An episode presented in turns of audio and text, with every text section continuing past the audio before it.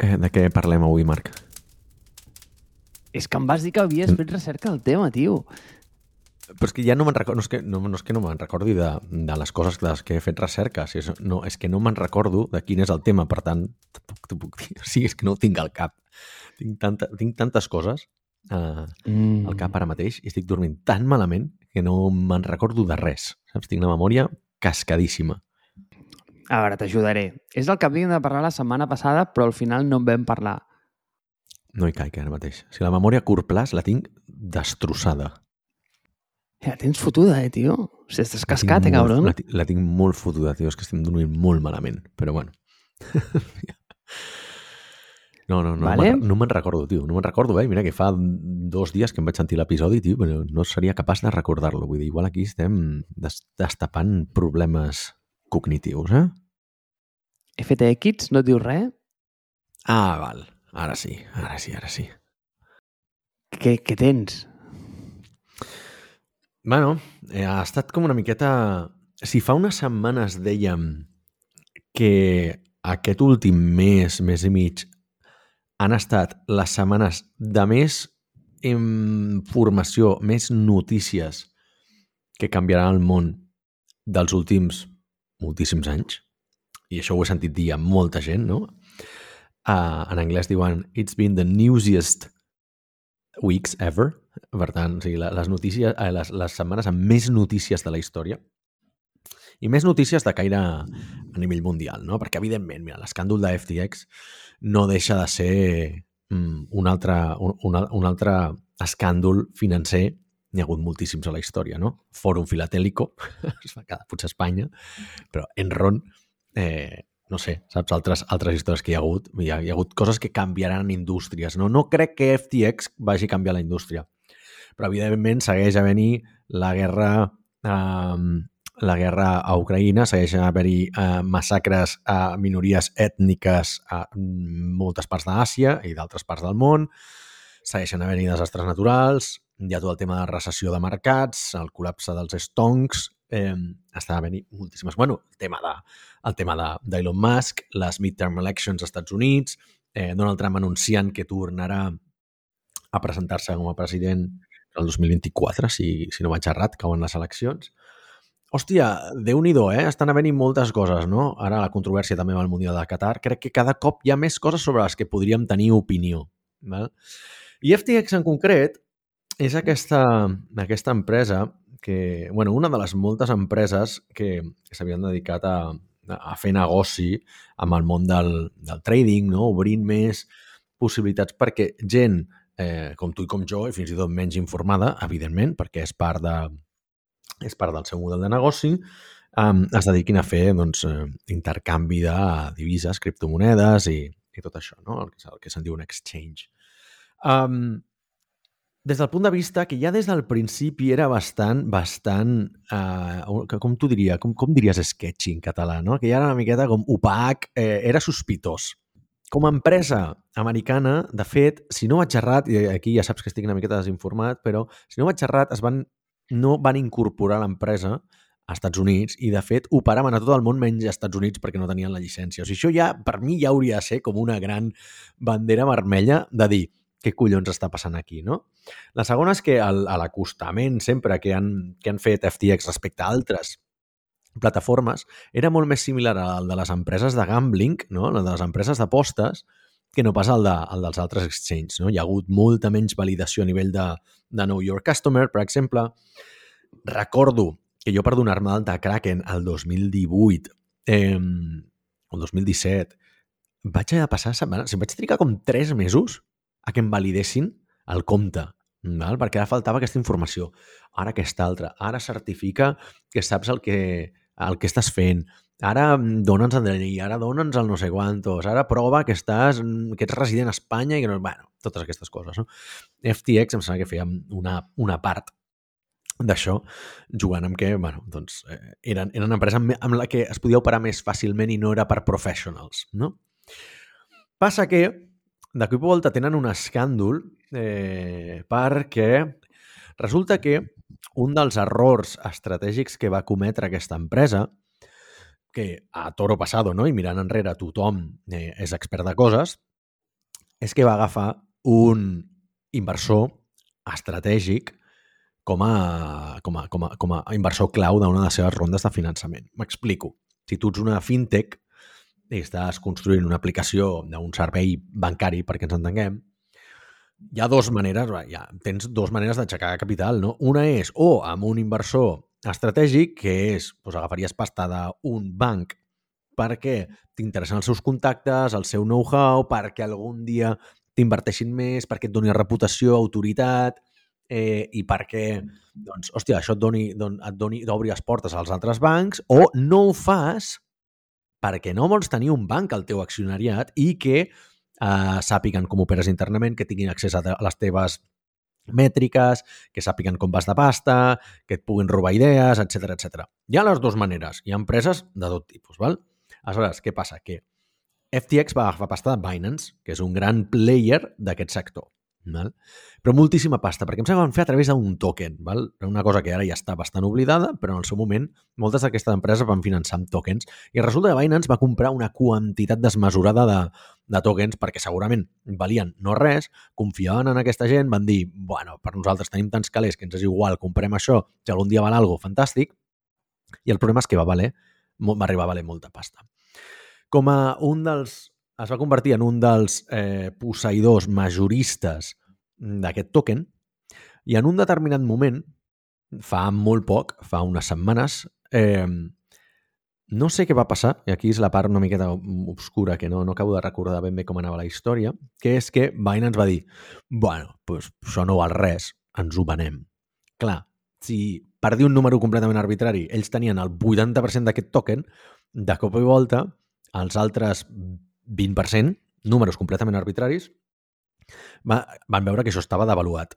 I aleshores, clar, que van dir? Hòstia, doncs vaig a vendre. Doncs tothom anem a vendre, tothom anem a vendre, i al final es va depreciar a saco el valor d'aquesta inversió. No? I i volta, l'empresa doncs, va passar a valdre molt, molt menys i al final que ha fet eh, Binance ha estat una, una compra hostil. No sé si això seria una, una OPA, no? que en el seu moment, quan hi havia les OPAs aquelles de gas natural, amb les que vam, vam créixer nosaltres als anys 2000 i tot això, però seria l'equivalent, no?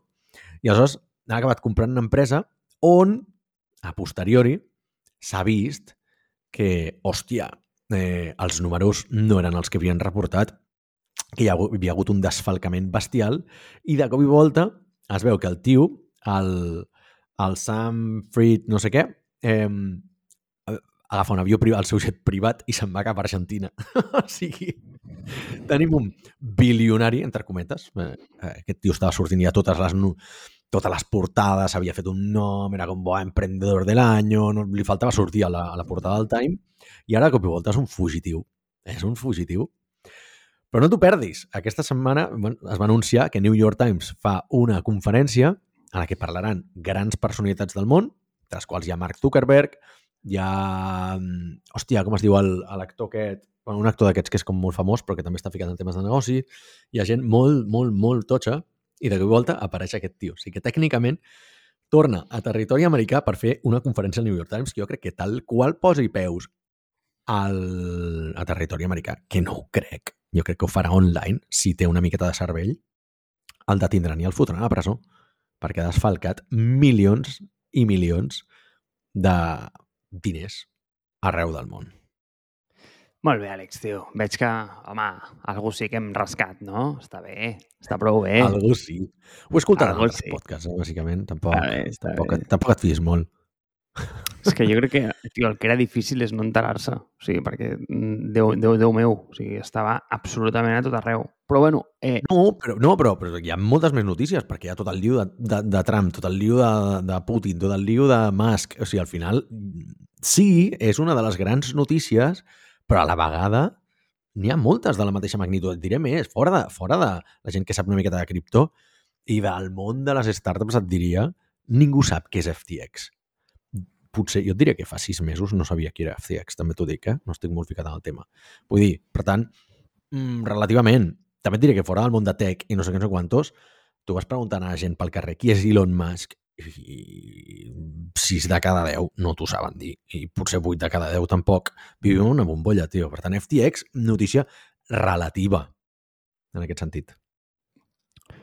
Sí, mira, et diré que ho he preguntat entre amics no tequis, allí donde los haya, i la veritat és que no tenien o no se n'havien fet ressò per res. I les notícies locals és un tema que no han ni tocat. O sigui, no l'han ni tocat. De la mateixa manera que el tema de Musk sí, una miqueta, eh, et diria que FTX, però per res.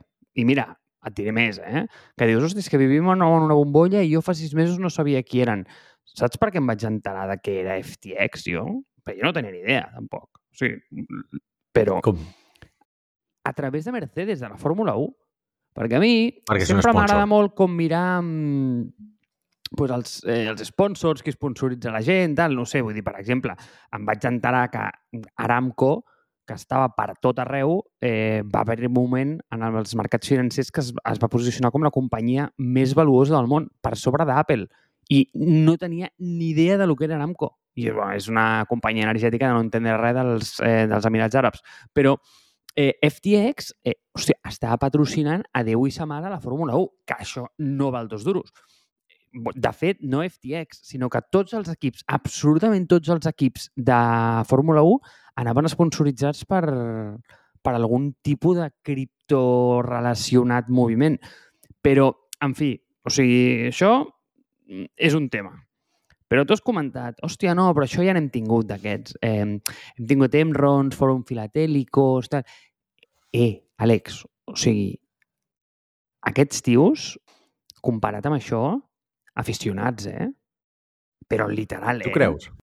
de pati de col·legi, eh? O sigui, que ells estan jugant allà al, al sorral, eh? Fent castells de sorra, i aquest tenia un... Sí, tio.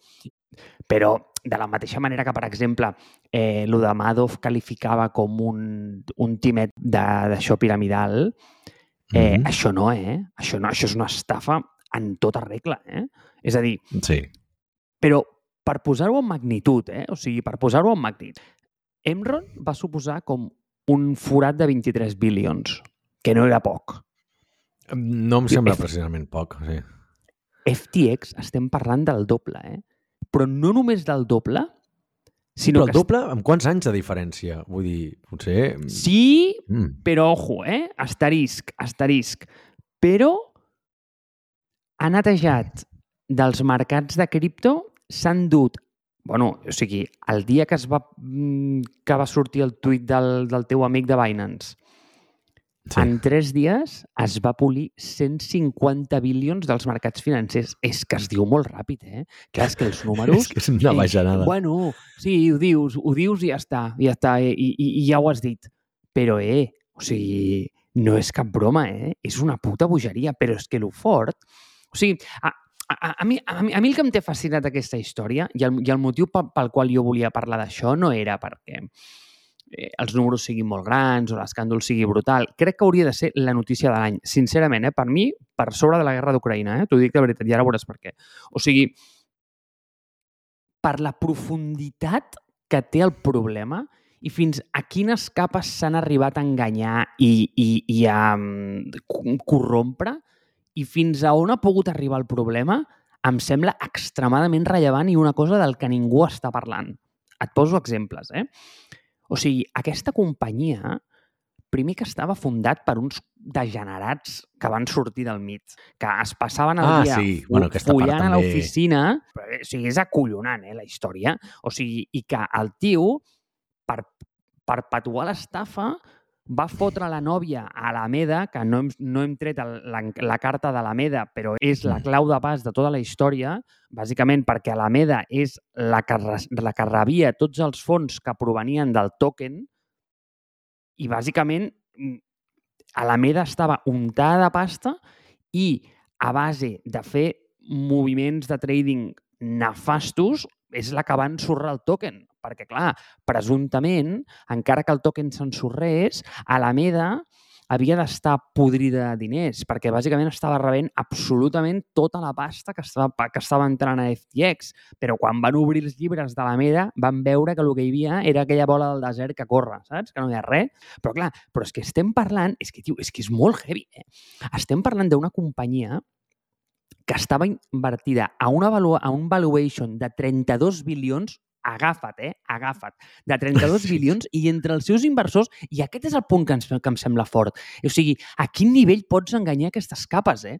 Tio, estava BlackRock, SoftBank, Sequoia, hòstia, nen, sí. els que es consideren la flor innata de la tecnologia que estan invertits com, tio, a les companyies més intel·ligents del món i, tio, a la, a, a la punta de llança de la societat. I, tio, i es veu que hi ha, hi ha com una espècie d'anècdota de Sequoia, que a mi em sembla com sí. animal, animal, explica-la, el tio explica va agafar la col d'inversió jugant al League of Legends. Però és que el comentari, és que el comentari com que es va generar després, eh, entre ells, entre els partners, era hòstia, tio, aquest paio m'agrada. Però aquest paio m'agrada. Tio, aquest paio, aquest paio o sigui, Sí, rotllo, tio, aquest tio, tio, aquest tio promet. Un tio que, que, que t'agafa una col drogat i jugant al League of Legends, o sigui, però mm, intentant tancar un, una valoració de 32 bilions, però, tio, però què collons estem fent? Però, o sigui, aquesta és la primera. O sigui, la de... Exacte. Fins a quin punt les ments més intel·ligents del món, darrere dels fons més sofisticats del planeta, poden tenir com aquesta capacitat de tio, de dir, eh, o sigui, vaya gol tan colat, tio, que això m'ho colin a mi, està ok, però, tio, a Sequoia no, a SoftBank bueno, no. I de, com em va recordar molt a de WeWork, a mi. Eh, és que, és, és que és la mateixa, és que és la mateixa jugada, però, però és que el fort, i, i, i aquí és on anava, és per què fins a quin punt això està podrit fins l'arrel? Perquè, hòstia, perquè mires qui és aquest tio i resulta que sa mare i son pare eren els segons d'honors de la campanya del Biden a nivell sí. polític. Clar, i, i dius, tio, és que això és que ho estan perpetuant des de dintre, tio, des de les caves polítiques. O sigui, ja no és que a nivell privat aquí generés una inversió i aquest tio, doncs mira, doncs se'n sortís amb la seva i doncs, pots... és com allò, no?, que tu pots enganyar eh, a una persona durant molt temps o a moltes persones durant un rato. Llavors, doncs mira, doncs aquest tio em va enganyar moltes durant un rato i mira, el sector privat ja està ok, hi havia FOMO i, i, i mira, hi van entrar. Però, però tio, hòstia, eh, això d'alguna manera s'està fent la vista grossa des, de, eh, des del sector públic.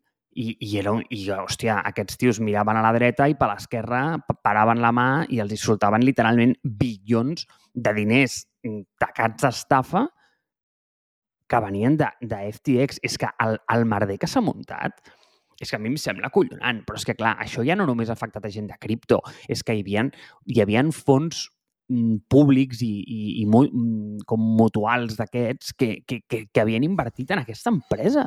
Tio, és que estan jugant amb la pasta de la gent d'una manera i és que això no surt en lloc, tio. O sigui, estem parlant de la merda de la independència i no sé quines polles estem dient aquí eh, a Catalunya i, i, i, i aquest tema no surt per enlloc. És que no surt per enlloc, és que és molt fort, eh, Àlex, això. Hi ha, no un, hi ha una altra cosa, hi ha un altre nivell de connexió que encara va... Bueno, una, una derivada de tot això és que clar, la dreta, d'allà els republicans, s'han apoderat del discurs de hòstia, aquest tio era un donant de... Hòstia, un patrocinador, que no sé com es, com es diria, no? Patrocinador del, de, de, dels demòcrates, del Partit Demòcrata als Estats Units, per tant, ens han estat estafant, els demòcrates són uns estafadors, si aquest tio hagués estat eh, republicà ja estaria a la garjola, no li haurien permès tot això, li han permès perquè és demòcrata, no sé què. Què passa? Que això s'està retroalimentat amb la tormenta perfecta, que és la de, justament, mm, Elon Musk, que està fent com d'advocat de diable, a part de fer el subnormal, diguem-ho també, eh, dirigint Twitter, donant a tornar a la porta d'entrada, donant amnistia a tota la gent que s'havia cancel·lat i s'havia banejat de Twitter, que coincidia que molts eren extrema dreta. Val? Aleshores, com un... Bueno, saps? Dir, tot aquest, el, el, el discurs aquest podridíssim de eh, jo estic a favor de llibertat d'expressió, eh, curiosament, els que demanen llibertat d'expressió solen ser nazis, doncs en aquest cas, o, o obertament feixistes, doncs eh, què passa? Que eh, coincideix amb la presentació de Donald Trump, amb les midterm, que no han anat tan malament pels demòcrates, vull dir, generalment, la, per qui no conegui el concepte, les midterms són aquestes eleccions que es fan a Amèrica a mitjans d'un mandat per calcular la temperatura de com van les coses i em sembla que sí que es dona, es, es fa un canvi, a certs estats es fan canvis en representacions als, als, als congressos locals, Eh, però generalment el partit que està eh, liderant, o el partit que, que, que guanya, que, que governa, s'endú una bona bufetada de realitat, no? perquè el, el, el, el, el votant ja diu, hòstia, doncs els republicans ho estan fent com el cul, doncs vinga, va, que cop voto demòcrata. No? I una de les poques vegades a la història en què el partit eh, governant no ha sortit castigat, sinó que realment doncs, ha, ha quedat bastant bé. Tot i això, sembla que no ha estat suficient i, evidentment, pues, eh, imbècils com Elon Musk han dit pues jo votaré republicà quan tens una al dia de les eleccions, que això en molts països és il·legal, però clar, ell tampoc és polític, no? Però, però hòstia, estàs influint el resultat d'unes eleccions perquè aquest tio té, no et sabria dir el número exacte de followers, però pot ser que tingui 120, 130 milions de followers a Twitter. Mira, vaig a buscar-ho. Vull dir, aquesta persona clarament està influenciant el resultat d'unes eleccions. Vull dir, una persona que té un reach de, mira, 119 milions de followers, és que t'explota el cap. O sigui, tu no saps el tamany de la plaça que hauries de posar perquè cridant des d'un balcó d'un ajuntament et sentissin 119 milions de persones, val? que això és el que és Twitter, essencialment. En el moment en què tu, una persona d'aquest calibre diu vaig a votar republicà, tu no et creus que un tant per cent de la població dirà si Elon Musk vota a Republican, doncs jo també ho faré, saps? Vull dir, que li donen per cul als demòcrates, ens han robat aquí diners amb FTX. Això és, és clarament fer una, una interferència en el resultat d'unes eleccions. Val que són les midterm, però igualment són importants als Estats Units. A mi això m'espanta molt, però m'espanta molt, perquè clar, no només és el que faci Musk, sinó que ara torna a obrir la porta a Donald Trump que el dia que, que recuperi el password, perquè segurament va perdre el password, eh, podrà tornar a escriure les seves tonteries a Twitter, però és que el següent en tornar serà Alex Jones, val? Eh, per si no saps qui és Alex Jones, ha estat una persona molt vocal amb tot de temes d'extrema dreta, conspiracionistes, negacionistes de Covid, eh, blanquejadors de Rasària, eh, negacionistes del Black Lives Matter, de, del, de la violència masclista. Vull dir, és un tio que és Infowars, em sembla que és el, propietari d'Infowars, que ha estat a judici per calúmnies i li ha tocat pagar un bilion per una, per una sèrie d'acusacions que es van demostrar falses, val? però és un tio que té una audiència molt heavy.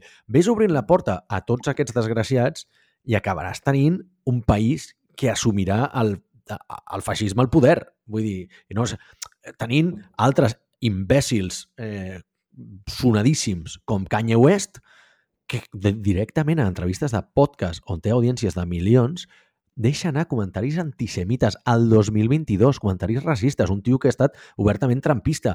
Aquest tio està fatal del cap i cada cop tenen més audiència. Vull dir, la censura no sé si és el camí per arribar aquí, però decidida, eh, decididament i oberta no és la de donar-li veu o amplificar les veus que clarament van en contra de la llibertat d'expressió de col·lectius reprimits i minories que estan en perill. A mi, aquesta derivada és la que preocupa de tot el tema de, de FTX. Li ha donat ales a un conflicte i li ha donat més força al, al, al foc de a la pujada de la, de la dreta als Estats Units i en, en resultes d'això a la resta del món. És que és acollonant el que tu dius, eh? de que la quantitat de focs oberts que hi han, però la magnitud que tenen cada un d'ells. És que és, és increïble, eh, Àlex? És una passada. Però, i, i, i per tancar una mica l'episodi, que ja ve sent tradició i aquest dia serà el tercer que ho fem, sí. és que m'encanta, Tio, podem repassar una mica l'estatus quo de Twitter o no? Eh, podem riure una mica a, a costa del, del bo de l'Elon, perquè jo és que sí que és cert que t'he donat com el punt aquest més de, de, de FTX i, i on veig jo les preocupacions, eh, sobretot a nivell de que com pots corrompre literalment un país sencer a base de ser un farsant. És a dir, hòstia, com pot ser que una persona amb tan poca credibilitat sigui capaç de donar-li la volta a una situació d'una manera d'aquest o sigui, tipus, no? d'agafar aquesta rellevància i aquesta magnitud. A mi aquest tema em sembla surreal. Però a mi aquest tema em sembla però literalment surreal. És a dir, o sigui, on, on, on collons hem arribat que un drogat de, del 3 al quarto és capaç d'enganyar i estafar a la flor innata del sector públic i privat del país, anem a dir, més sofisticat del planeta. O sigui, em sembla com... Eh, és, és acollonant, però, però a mi això, de veritat, o sigui, no només em sembla fort, sinó que a la vegada també m'inspira. Eh, jo sempre penso que tens que com buscar inspiració amb líders, però independentment t'has d'intentar abstreure una mica del que, del que promovien, no? I agafo amb pinces, ok? Però per mi un dictador... Ai, ai, ai. Sa... No, no, no, cuidado, cuidado, cuidado, no cuidado. No comença bé aquesta claro. frase, saps? He dit que ho agafis amb pinces, tio. Agafa-ho amb pinces. Marc, Hòstia, a totes les dictador- terrasses i balcons de Barcelona no hi ha suficients pinces com per agafar el que vas a dir, ja t'ho dic. Però endavant, Mm. Bueno, jo ho diré igual. vinga. La figura d'un dictador, vale? no ell, sinó ni, ni el que fa, no ho justifico, al contrari, és, és una atrocitat i s'ha de condemnar per dreta, per esquerra, amunt, avall i per sota. Vale? Però, ostres, la capacitat que té d'evangelitzar i de crear un moviment, ostres, no dic que sigui inspirador, perquè oh, de nou he dit que és una atrocitat, ja ho he dit, i, i em, em remanifesto amb això, però almenys crec, crec que és digne d'estudi. De dir, ei, tio, o sigui, com collons vas aconseguir alinear senyor Hitler, per dir alguna cosa, a mitja Alemanya perquè seguís les ordres d'un sonat. I, i, I segur que molta gent m'apuntarà i em dirà ep, mira Goebbels, que igual sabia alguna cosa del tema, i resulta que tot el màrqueting modern està basat en la, eh, en la teoria de la mà dreta d'un dictador. I és cert, i és cert. Vale? fe, És a dir, fe. tota la teoria moderna de màrqueting i, i sobretot com de seducció del personal està basada en la campanya de Goebbels. I és a dir, aquest home, d'alguna manera, si no fes el que va fer, que, que òbviament, tio, doncs, ja ho hem dit, és una autèntica bajanada, segurament a dia d'avui seria catedràtic de la Universitat de Berkeley eh, explicant teoria del màrqueting, per dir alguna cosa, eh? per dir alguna cosa. Però, bueno... Segurament ara seria no CMO de Twitter, saps? L'hauria fitxat Elon Musk, també t'ho dic. Vale, eh, aquí has estat fi, aquí has estat fi. Se- Segurament seria el seu, segurament seria el seu rol. Però, tio, Àlex, o sigui, eh, explica, explica'm una mica, o sigui, tio, quin és l'estatus quo de Twitter i, i tanquem-ho aquí, va, que, que últimament això s'està fent tradició, perquè és l'única notícia que jo no segueixo, bàsicament perquè em dóna pel cul, tio. Te- te- te- T'explicaré i te la lligaré amb, amb, amb el que acabes de comentar, amb les teories del, del màrqueting i sobretot les mentides infundades. Val? Abans de res, jo et pregunto una cosa. Tu coneixes el concepte de signe negre, no? El Black Swan. Tio, Nassim Taleb és un dels Val. meus ídols personals i una de les persones amb qui faria l'excepció d'anar a sopar. Val. Saps el que és un rinoceront negre? Això no és de Nassim Taleb, eh? Saps el que és un elefant negre?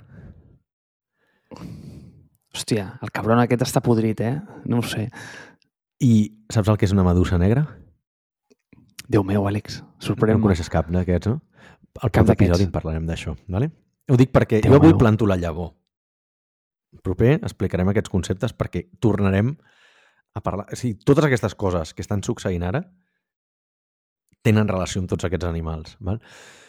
Torno al tema del màrqueting de Twitter. Què ha passat a Twitter? S'ha donat també una miqueta la tempesta perfecta de que Elon Musk va generar una narrativa completament falsa, però completament falsa, de que Twitter era una empresa de, de funcionaris, diguem-ho així, una empresa que no innova, una empresa que està mal muntada, que està sobredimensionada, que és una empresa que podria fer molt més amb tot el que té. Probable que pugui fer molt més amb el que té. Probable que en algunes coses s'hagin acomodat, però Twitter és una de les empreses més innovadores del planeta. Et poso un exemple només. Val?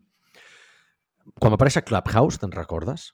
Recordes? La, la, Clubhouse havia de ser allò que canviaria el món. No, ui, sales de xat, de veu, privades, da igual Andreessen i Horowitz i posa allà no sé quants milions de milions per convertir-ho en el, el que mataria Twitter. Eh? És com un podcasting en directe, privat o públic, eh, universal. Avui en dia, Clubhouse és, és no res, s'ha convertit en sales de xat per criptoscammers. ¿vale? Per què? Saps qui va matar Clubhouse? Twitter.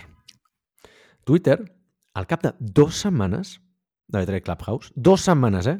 Va treure els Twitter Spaces i de cop volta va treure, com es diu en anglès, va treure tot l'aire de l'habitació i Clubhouse es va desintegrar. O sigui, jo me'n recordo que el, el punt àlgid de Clubhouse, no recordo malament, va ser com gener-febrer de 2020, comença la pandèmia heavy, allò super s'infla d'una manera exagerada, però és que cap al maig ja estava de, de, ja estava de baixada. O sigui, va pujar tan ràpid, però tan ràpid, que és que a mi no em va donar temps ni de provar-lo gairebé. Vaig fer dues sessions a Clubhouse, vaig veure que dic, bueno, hi ha gent, però no veig una revolució al·lucinant. I quan em vaig donar compte vaig dir, bueno, va, anem a veure si provem això. Els números havien baixat tan dràsticament que ja no tenia sentit. Ja s'havia convertit en un lloc de xarles per marketers, per flipats de l'Herbalife, per criptobros i, i, i merdes similars, no? Twitter, en dues setmanes, va matar Clubhouse. O sigui, Twitter, si vol, pot generar aquest tipus d'innovació. No? Twitter ha fet moltes altres innovacions. Una d'elles no la veiem, però és tecnològica. Tota la part d'infraestructura, que tothom assegura la infraestructura de Twitter és una basura, és una meravella però al nivell de, de, de, de la, la gran muralla xinesa i totes aquestes meravelles de, uh, arquitectòniques mundials. Val? Va ser un desastre, però per fer el que fa Twitter, demostrar els tuits en temps real, aquest refresh quan tu vulguis, en tota la quantitat de bilions i bilions, si no trilions de tuits que hi ha, és una bogeria. Twitter ja no cau gairebé mai. Si t'hi fixes, la Twitter és on la gent va quan totes les altres, altres coses cauen. Quan cau WhatsApp, la gent va a Twitter. Quan cau Facebook, la gent va a Twitter. Quan, quan cau Instagram, la gent va a Twitter. Curiosament, totes aquestes empreses que he mencionat són part de Meta, eh, de Facebook Group. Per tant, eh, feu-vos-ho mirar, col·legues. Val? Eh, quan van reescriure l'arquitectura de Twitter perquè suposadament Rails no escalava, simplement no havien muntat bé temes de bases de dades, però bueno, quan van reescriure Twitter i van fer escalar, a l'uptime de Twitter, o sigui, el downtime, perdó, el temps que està caigut, va reduir-se pràcticament a zero. I la performance que té aquesta aplicació és al·lucinant. Evidentment que hi ha molts parches perquè estem parlant d'una escala tan còsmica que cap altra aplicació arriba a aquests nivells de transaccions i de, i de volums de, de transferència de dades. Per tant, allà sí que han hagut de treballar. El, el Twitter té rocket scientists, o sigui, té científics de l'arquitectura, de la informació i del software, de la mateixa manera que Tesla o SpaceX tenen eh, probablement els millors enginyers en el seu camp per enviar putos cotxes al, a l'espai. I sí, dic cotxes, eh? L'anunci aquell del cotxe, el puto Tesla llançat a l'espai. No m'he equivocat. Per tant, o sigui, Twitter realment eh, té el, probablement els millors enginyers del planeta i no els té cap altra empresa. O sigui, però Elon Musk i tota la narrativa de la gent que li va al darrere llapant el cul han, han repetit tant això que una mentida dita mil cops es converteix en veritat i, per tant, eh, una de les grans mentides que va vendre els inversors és el pal, això està mal fet, hem de, hem de tornar a construir Twitter, s'està fent una reescriptura, volen fer Twitter 2.0, no? Twitter 2.0, Ah, és, un, és un gran error, sí. Crec que Twitter ja està suficientment ben escrit com per ara reescriure una plataforma que tu, com a nou CEO, no tens tot el background, tot l'històric i fotràs unes cagades al·lucinants. Més, quan has fet fora tota la plantilla, inclús la que s'encarregava de les parts crítiques, que a la que volta comencen a patar serveis, com l'altre dia, van estar un dia i mig que no funcionaven les notificacions. Les notificacions, no les notificacions, com collons va Twitter, saps? Segurament un altre dia fallarà, bueno, va fallar el Two-Factor Authentication, també, durant un parell de dies, si tenies two-factor, no podies entrar perquè havien apagat el microservei de, del two-factor authentication, no? bueno, totes aquestes collonades. Per, això per dir-te que aquesta mentida dida molts cops de Twitter només hi ha gent acomodada, està mal estructurada, està sobredimensionada, eh, no arriba al seu potencial, la directiva són uns inútils, és el que va vendre Musk als inversors. I ara el tio té un rellotge de sorra amb molt poca sorra perquè, evidentment, molt, molta de la pasta que va fer servir aquests 44 billions per comprar Twitter era en deute. I té un compte enrere molt, molt heavy, que l'única manera de fer-lo, d'alleujar-lo una miqueta és fent fora tot l'estaff, mantenir l'empresa una miqueta en mode zombi i després ja ens dedicarem a arreglar els problemes i a veure com, com... I després, clar, sortirà com a salvador perquè segurament ho aconseguirà. Hi ha suficients sonats al planeta com per apuntar-se en aquesta empresa d'emboja i aquesta aventura tan eh, descabellada. Ara bé, ara bé, a quin preu? saps? El preu de probablement carregar-se una plataforma que estava... Influ... Jo crec que Twitter ha fet més bé que mal al planeta. Si tu em preguntes el balanç, crec que és més aviat és positiu. Val? Va ajudar amb l'Arab Spring, ha ajudat amb moltes revolucions en països censurats eh, i oprimits més que no pas al contrari. Sí, hi ha vots, sí, eh, hi ha mm, contingut mm, racista i odi i no sé què, però des de dalt s'està fent, jo crec que s'han fet suficients esforços com per donar veu a causes més bones i no veu a coses dolentes, val? Eh, objectivament parlant. Per tant, mmm, estic segur que Elon Musk ha llegit eh, eh, la teoria marketingiana de, de les dictadures, perquè si fixes, és un model de direcció d'empreses molt, molt de Mourinho, que funciona molt bé quan les coses van bé, però funciona molt malament quan les coses van malament. I si ho ajuntes amb que els americans no els agraden els perdedors, America don't like losers, fa que Elon Musk estigui perdent credibilitat en picat ara mateix. I no, Twitter no morirà, ell no deixarà de ser un gran empresari, no desapareixerà Tesla, però tothom en quedarà una miqueta tocat. Aquest és el meu pronòstic. I una última pregunta, per tancar-ho. En, endavant. He de fer recerca de meduses, elefants i rinocerons negres o no cal cap No, no, perquè tu, cabron, ja estàs molt informat de coses que han passat al, al món i ja està. Jo crec que no cal que facis recerca. jo crec que tindrem suficient material com per... Té a veure amb esdeveniments històrics, només et dic això. I tu ja estàs molt, molt ben informat d'aquest tema.